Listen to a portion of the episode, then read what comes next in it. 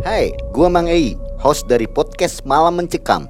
Saat ini gua dan tim sedang bekerja sama dengan Anchor, sebuah aplikasi yang kita gunain untuk membuat dan publish podcast kita ini. Kita mau kasih tahu nih, ternyata membuat podcast itu gampang banget dan 100% gratis. Selain gampang dan banyak digunain, semuanya yang kita perluin untuk membuat podcast juga ada di dalam Anchor. Termasuk untuk distribusi ke Spotify dan platform podcast lainnya. Yuk segera download aplikasi Anchor dan bikin podcast kamu segera. Assalamualaikum warahmatullahi wabarakatuh Sobat Malam Mencekam Ini masih chapter Cirebon Kota bersejarah yang banyak mengandung cerita-cerita horor dan cerita-cerita mistis Bagaimana kisah kali ini di Cirebon? Ada Mang Ei dan tim Malam Mencekam di sana Yang meliput cerita horor untuk Anda Kita langsung ke Cirebon bersama Mang Ei.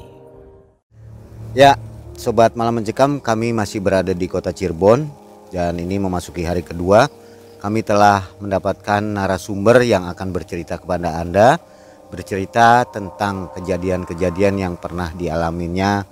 Kali ini kami berada di daerah Kalijaga bersama seorang narasumber yang dulunya pernah menjadi seorang pengrajin batu ali kalau kita sebut atau gemstone ya pengrajin gemstone.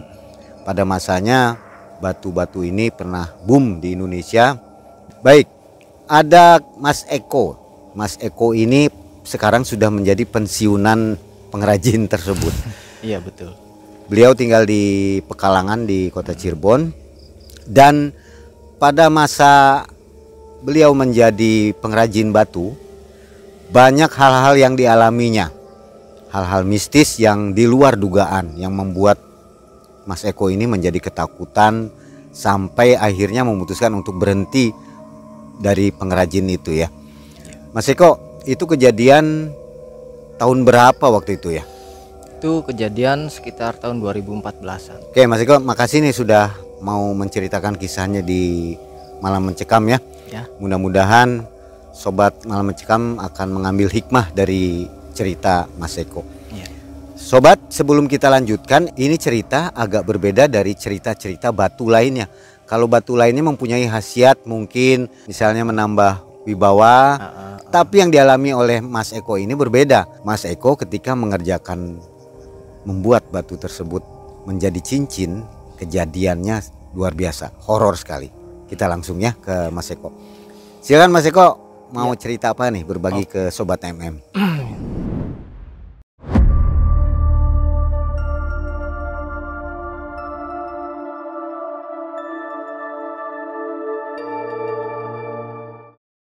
Ya, sebelumnya assalamualaikum warahmatullahi wabarakatuh. Waalaikumsalam. Jadi pada saat itu pada tahun 2014-an, Mangai. Itu waktu itu booming. Namanya batu cincin itu booming. Dan akhirnya saya memutuskan jadi pengrajin batu. Akhirnya jadi pengrajin batu. Tapi bagaimana caranya supaya saya bikinnya di rumah tapi orderan banyak akhirnya saya memutuskan dengan via HP telepon antar jemput nah setelah itu akhirnya saya bikin sering bikin batu ya beberapa beberapa biji lah paling selang berapa lama itu saya kenal dengan seorang pengusaha pengusaha itu dia hobi juga kolektor juga itu namanya Pak Teguh. Akhirnya saya kenalan di situ, ngobrol. Setelah ngobrol-ngobrol-ngobrol, saya dapat order dari dia. Kok ke sini? Nih saya ada ada beberapa batu, tolong bikinin. Iya siapa? Saya ke sana. Saya ke rumahnya pak. Ke rumahnya, kenalan ngobrol dulu di situ. Emang dia udah udah batu itu sudah di potong-potongin tuh jadi sudah sudah emang harusnya segitu ukurannya nih kok batu nih coba bikin lima dulu bikin lima akhirnya bikin setelah bikin selesai saya bawa ke sana Nah lanjut lagi orderan sering sama dia pada suatu saat saya ke sana. Gimana Pak Teguh? Nih kok ada batu. Ini namanya tuh batu ampar Gunung Jati. Jadi di situ batu itu emang sudah ngebentuk tapi belum rapi. Mangai kalau pakai mesin kan itu sudah rapi. Nah di situ belum rapi. Kata beliau, kok saya sudah keliling ke mana-mana nyuruh orang ngerapihin batu ampar Gunung Jati. Itu nggak ada yang mau. Nah sekarang saya mau Eko yang bikin. Tapi gimana kok? Sanggup nggak? Dia bertanya seperti itu. Sanggup pak. Karena apa? Karena saya waktu itu berpikirnya cuma berpikir logika. Mangai belum nggak nggak ada berpikir nanti gaib gimana belum belum belum berpikir situ. Karena itu kan hal nyata. Batu kan hal nyata. Cuma dibikin ya akhirnya dia memutuskan ini kok sok dibikin. Ya udah siap. Saya bawa batu itu.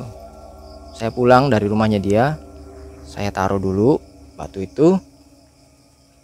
Kan dia tuh sekali bikin itu 20 batu.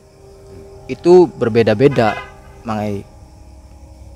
Jadi saya bikin bikin yang yang batu hitam dulu. Ya. waktu itu saya bikin nggak tahu batu jenisnya apa yang yang jelas warnanya hitam. Saya bikin di rumah saya. Di rumah saya jadi saya itu punya kontrakan mangai di depan kosong. Jadi saya bikin di situ memutuskan. Bikin di situ setelah itu di depan terang di tengah gelap. Emang itu nggak ada lampunya. Nah setelah itu saya bikin akhirnya udah jadi apa? Saya masuk ke ruangan yang gelap. Di situ ada lemari mah saya taruh batu itu. Tanpa disadari dan dan saya sendiri juga nggak tahu ya itu apa gimana itu saya menyenggol dengan di posisi kamar gelap itu tuh mangai saya menyenggol nyel nyel cih jadi seperti menyenggol bantalan atau balon yang ada airnya itu mangai kenyal ya kenyal. Kenyal seperti itulah. Saya senggol pakai tangan. Kenyal. Saya penasaran saya pakai kaki senggol lagi. Kenyal lagi. Akhirnya saya senter pakai HP mangai sorot. Nggak ada apa-apa. Hmm. tapi saya ngelirik kayak gitu. Cuma ngelirik. Udah itu Mai. Wujudnya waduh sampai saya merinding. Besar. Tinggi besar. Hitam. Akhirnya saya mundur. Waktu itu saya matiin mesin. Saya keluar. Karena saya takut. Itu bener-bener waktu itu pengalaman saya sampai saya merinding nih Mangai. Setelah itu keesokan harinya saya baru bikin. Itu yang namanya batu ampar gunung jati. Itu batunya sih bentuk warnanya tuh hitam hitam putih gitu. Itu batunya masih masih jelek lah masih bentuknya. Emang waktu itu batu itu tuh asal rupanya bikinan orang zaman dulu mangai jadi belum belum perfect kayak sekarang. Saya waktu itu bikin jam antara jam 4 sore jam 5 sore lah sekitar jam segituan. Itu saya bikin saya cuma saya pindah bikinnya saya di belakang. Waktu waktu kemarin kan saya bikinnya di depan nih kontrakan depan saya pindah ke belakang. Tapi saya sebelumnya kan saya ingat omongan Pak Teguh nih Eko mampu nggak? Nah di situ saya berpikir ini ada apanya nih batu? Setelah saya bikin sebelumnya saya kan ya berdoa dulu lah lillahi ta'ala aja. Nah, doa saya bikin kurang lebih 20 menit. Saya ngasah batu itu di belakang udah ada yang selibet. Aduh selibet. Aduh. Itu di situ aduh saya bener-bener saya tetap tetap saya berdoa mas. Saya bikin lagi bikin lagi. Setelah berapa lama itu saya bener-bener kaget mangai itu dari belakang mangai namanya tuh bayangan hitam. Slep masuk ke batu. Sampai saya batu itu saya lepas mangai Allah Akbar. Waduh. Itu bener-bener mangai itu pengalaman saya yang bener-bener mistis. Itu saya sampai sekarang juga masih ya teringat. Itu bener-bener tuh batu sampai terpental akhirnya saya ambil lagi. Waktu itu mangai saya ambil lagi saya asah lagi tapi saya dibarengin ya dibarengin wirid. Selesai. Akhirnya dengan itu selesai. Pas pas banget wak- waktu batu itu selesai si Pak Teguh yang punyanya itu nelpon saya. Halo kok gimana kok? Eh kok nggak apa-apa kok bisa seperti itu? Bisa tahu? Iya nggak apa-apa pak. Jadi yang punya batu itu seperti seperti kerasa tuh. Mangai saya anterin ke sana. Nih pak batunya pak. Eh kok nggak apa-apa? Nggak apa-apa pak. Akhirnya saya cerita di situ. Cerita yang seperti tadi ya untung Eko nggak apa-apa. Soalnya di sini juga bapak juga istilahnya ikut ngebantu Eko dari belakang. Udah seperti itu akhirnya dia bikin lagi. Itu ada kurang lebih 20 20 batu pak. 20 Kali order itu 20 ya. 20 batu. 20 batu dibikinin. Sebelumnya tawarin Eko mau batu ini? Enggak. Karena pikir saya itu warnanya tuh kurang ya kurang bagus lah menurut saya. Ya udah kalau nggak mau mah. Ini bikinin kok 20 saya akhirnya bikin kemudian esoknya selesai udah selesai saya kasihin. Eko bener nggak mau batu ini? Enggak enggak pak. Nih aja gelas. Tolong diisiin air kok. Nah, saya isi gelas itu. Nah batu itu dimasukin ke gelas. Sebelum itu Eko disuruh sama Pak Teguh suruh ngangkat sofa. Kalau sofa Pak Teguh besar Pak itu saya angkat. Jangan pakai tangan dua pakai jari kok oh pakai jari? Coba dulu. Coba. Tuh nggak kuat Pak. Ya udah sini tangannya sini. Itu tangan saya dimasukin ke gelas pak. Mangai masukin ke gelas diolesin airnya.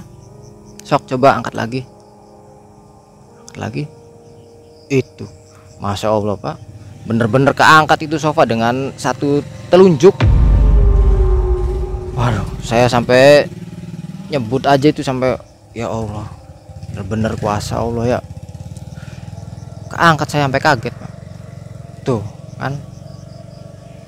Iya sih pak. Saya sampai ya mau ngomong apa sayanya? Nggak bisa ngomong apa-apa lagi. Tadi saya tawarin ke Eko Eko kenapa nggak mau? Iya nggak mau. Jadi sekarang mau nggak? Ya boleh kata saya.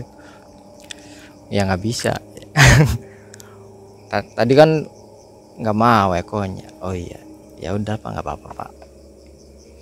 Udah setelah itu akhirnya udah selesai itu pulang pak. Saya bikin batu lagi itu dengan batu pancawarna batu itu saya bikin setelah hampir mau selesai. Batu itu bener-bener namanya ya makhluk halus itu bener-bener menampakkan pak. Sampai sayanya masya allah. Itu saya nggak nggak bisa ngomong apa-apa mangai waktu itu udah saya cabut mesinnya saya masuk kamar. Sosoknya itu tinggi rambut rambut itu sampai ke sini. Panjang taring itu seperti merah seperti darah seperti kayak gitu mangai itu saya sampai cabut mesin batu saya sampai lari masuk. Nggak dilanjutkan udah. Saya anterin ke orangnya aja langsung Dari kejadian-kejadian tadi ada nggak yang mempengaruhi kehidupan dari Mas Eko setelah kejadian itu? setelah ada ada mangai Apa tuh? jadi setelah kejadian itu apa namanya tuh namanya mata batinnya ekonya tuh mangai jadi lebih lebih peka Hmm. akhirnya lebih peka mangai setelah itu jadi kalau malam kalau eko keluar ya pasti aja ngelihat hal-hal yang gaib makhluk seperti itu mangai Bisa lihat penampakan gitu ya? Iya, seenggaknya jadi mungkin dampak karena saya bikin batu Mang. Hmm. mungkin karena itu akhirnya saya sering sering sering melihat seperti hal hal gaib lah makhluk Kenapa ya order selalu dari Pak Teguh yang ada goib-goibnya gitu ya? ya Silumannya yang keluar. Kalau order dari orang lain nggak ada.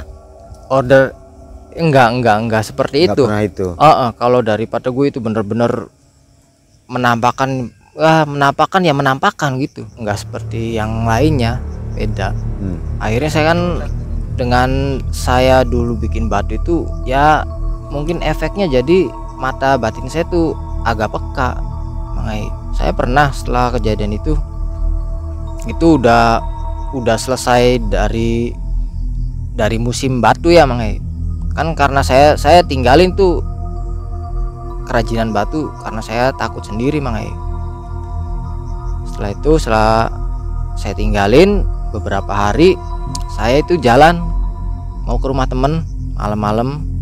Emang posisi rumah tuh satu dua tiga rumah itu ada kebunnya.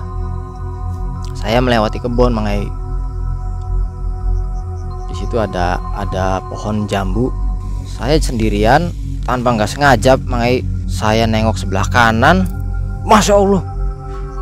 Itu namanya rambut dari atas pohon jambu itu berjumbai mangai sampai saya lari mangai Oke. Mas Eko, tadi efek-efeknya selain Mas Eko bisa merasakan kehadiran makhluk gaib ya setelah makhluk gaib dari batu itu, ya efek lainnya apa tuh? efek lainnya eh, efek lainnya dalam hal Usaha misalnya atau kehidupan lah. Oh. ya efek lainnya ya alhamdulillah setelah saya apa berhenti dari pengrajin batu itu usaha terpal Jalan lagi. jalan lagi ya alhamdulillah lumayan maju mengenai Hmm. ya itu entah efek dari batu atau efek dari mana wallahu alam Jadi Mas Eko memutuskan untuk berhenti jadi pengrajin batu saya memutuskan untuk berhenti dan kembali menjadi pengusaha terpal. iya betul Kalau terpal yang sebelumnya itu memang kurang laku atau gimana? ya nggak terlalu rame seperti yang sekarang ini Hmm. Heeh, Iya iya iya. heeh, seperti itu makanya Sobat MM, cerita mengenai batu memang nggak ada habisnya kalau diceritakan. Tapi yang cerita Mas Eko ini beda dengan yang lainnya ya. Nah, Mas Eko ada yang lainnya nggak cerita mengenai batu nih? Kejadian-kejadian aneh yang lain? ada makanya Apa tuh? jadi pada waktu itu saya tuh iseng mesen batu ke teman akhirnya teman saya nunjukin nih kok batunya batu apa ini ya pokoknya buat pengasihan kata dianya dibawa oh gitu kalau saya kan nggak terlalu memikirkan yang seperti itunya makanya kalau saya kan lihat batunya yang bagus yang kelihatan lah yang kelihatan enak dipandangnya Bisa dijual kembali mungkin ya? Hmm, bisa jadi seperti itu. Ini kelebihannya cuma itu. Saya nanya ke teman, iya cuma itu. Ya kalau itu aja sih, mungkin batu lain juga banyak. Kata saya seperti itu. Ini beda lagi kok. Kata teman sayanya seperti itu, Mang. Sok, gini aja, kamu nggak usah beli lagi kalau batu ini nggak jalan. Maksudnya, coba kamu eh, tumpahin air cuka. Saya tumpahin air cuka, Mang. Di lantai, taruh batunya kok, taruh itu masya allah bener-bener jalan mangai seret seret waduh bener jalan saya coba batu yang lainnya nggak jalan wah unik juga kata saya itu saya ambil batunya. Batunya apa ini namanya? Ini namanya batu mani gajah kok. Oh batu mani gajah.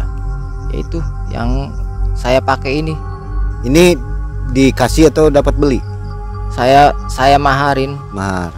Heeh, saya maharin. Lumayan harganya nih. ya lumayan lah. Ini yang bisa jalan. Emang eh, nggak enak dipandang. Bener nggak mangai nggak enak dipandang. Hmm. Ya itu makanya saya ambil Jadi ini kalau dibuka ada cuka jalan batu jalan. jalan Selama ada cuka itu. di atas air cuka itu jalan tapi batu yang lain nggak jalan mangai Dengan batu sejenisnya lagi mani gajah belum tentu sama. belum tentu kan kalau batu kan ada yang asli ada yang obsidian obsidian itu sintetis batu Iya. sintetis. Tuh, akhirnya kan saya ambil ini ya ini batunya Sayang kita nggak bawa cuka ya. Kalau bawa cuka kita praktekkan gitu ya iya bisa ke subscriber kita. Mm-mm. Mungkin di lain video lah nanti kita ini. mungkin nanti lain kali Ada lagi yang mau diceritakan kejadian aneh? kejadian Anes ini setelah musim batu Mang ya Ya. setelah setelah musim batu jadi di rumah saya ini seperti ada gangguan Mang Ai. sebelumnya itu saya pernah pernah belajar untuk bisa bertemu dengan makhluk Makhluk astral ya. makhluk astral tapi dengan cara mimpi Mang Ai. akhirnya saya penasaran itu karena di rumah saya itu sering ada gangguan Mang Ai. entah itu karena mungkin karena batu-batu yang dulu masih saya simpen atau gimana saya nggak ngerti itu sering ada gangguan akhirnya saya ingin bertemu ini siapa yang ganggunya saya tidur Mang Ai. ya sebelum tidur kan saya eh, doa dulu lah Mang Ai. tidur di dalam mimpi itu ketemu Mang Ai. jadi saya tidur itu seperti kayak nggak tidur Mang Ai. bukan mimpi kayak nggak mimpi jadi seperti nyata Hmm. di situ saya ada di suatu ruangan saya berdiri di situ dan di depan saya itu kurang lebih jaraknya ya 5 meter 7 meter lah kurang lebih segitu. Jadi di situ gelap mangai si wujud makhluk itu saya masih samar mangai akhirnya saya deketin diem aja. Saya deketin lagi sedikit lagi. Itu itu bener-bener mangai wujudnya bener-bener menyeramkan mangai Hmm. pakaiannya nggak karuan kukunya panjang-panjang matanya merah melotot Mai ngelihat saya saya sampai kaget bener-bener kaget Mai saya maju selangkah lagi itu saya diserang Mai diserang bener-bener serang kep gelap. Saya nyebut astagfirullahaladzim. Lepas lagi dia lari. Saya nggak sempat ngejar waktu itu. Karena saya sudah sudah ketakutan dulu Mangai Hmm. jadi saya tuh terbangun akhirnya dari tidur tuh Mangai Astagfirullahaladzim ternyata itu makhluknya dialah makhluknya yang yang sering mengganggu Makhluk ya. makhluk gaib makhluk gaib Mangai Sampai sekarang masih. Alhamdulillah sudah enggak Mangai sudah enggak. Itu apa kemungkinan karena masih menyimpan batu-batu itu ya? kalau feeling saya seperti itu saya masih menyimpan batu-batu yang dulu waktu musim-musim tuh masih saya simpan ya akhirnya saya buangin yang batu-batu seperti itunya mang Jadi ada pesan nggak buat subscriber kita kepada pecinta dan pengrajin batu ya, batu ali? oke Mungkin ada pesan dari Eh, ya Mas Eko. ini sekedar saya pesan aja kepada ya GameStone lah pengrajin batu itu hal gaib itu kita wajib mempercayai nggak apa-apa. Tapi satu jangan takut dengan hal gaib takut sama Allah. Cuma satu takut sama Allah. Itu saja pesan dari saya. Dan hal-hal apa pun yang terjadi jika kita membuat batu utamakan dengan berdoa dulu. Itu pesan dari saya. Ya, Mas Eko. ya Mangai Jadi Pak Teguh itu akhirnya memutuskan untuk menyudahi order juga dengan Mas Eko ya. iya Karena ordernya selesai semua. selesai semua Mangai Sampai sekarang masih nggak Pak Mas uh, Pak Teguh itu? sudah enggak Udah nggak ada hubungan lagi. sudah nggak ada hubungan lagi Oke. Ah. Mengenai usaha Mas Eko yang sekarang menjadi bertambah maju itu feeling Mas Eko mungkin ada kaitan dengan uh, kejadian itu ya. makhluk- ya bisa jadi mungkin ya ada hal-hal dari efek dari hal batu itu Iya. mungkin bisa jadi Dan Ya, saya- tentunya memang rezeki berasal dari Allah ya. iya betul Mangai Tapi ada feeling mungkin karena mengalami kejadian itu. mungkin Jadi ada ada ada manfaatnya dong kalau begitu ya. Setelah Betul, melihat Bang. makhluk itu iya ada faedahnya. ada faedahnya Ada faedahnya. Oke, sobat MM di mana pun anda berada, kita kembali ke Bandung bersama Abah Yudi. Assalamualaikum warahmatullahi wabarakatuh. Oke baik, Mang Ei terima kasih atas cerita yang Anda sampaikan tadi. Itu sangat mengandung hikmah yang positif walaupun horor ya. Terima kasih buat Anda dan sobat malam mencekam sekalian. Nantikan video-video dan kisah-kisah lainnya yang tidak kalah horor dan mencekam. Tentunya masih dalam chapter Cirebon itu akan berlanjut bersama Mang Ei dan tim malam mencekam. Saya Yudi dan tim Malam Mencekam, kami pamit dulu. Nanti kita ketemu lagi di chapter Cirebon yang lainnya. Assalamualaikum warahmatullahi wabarakatuh.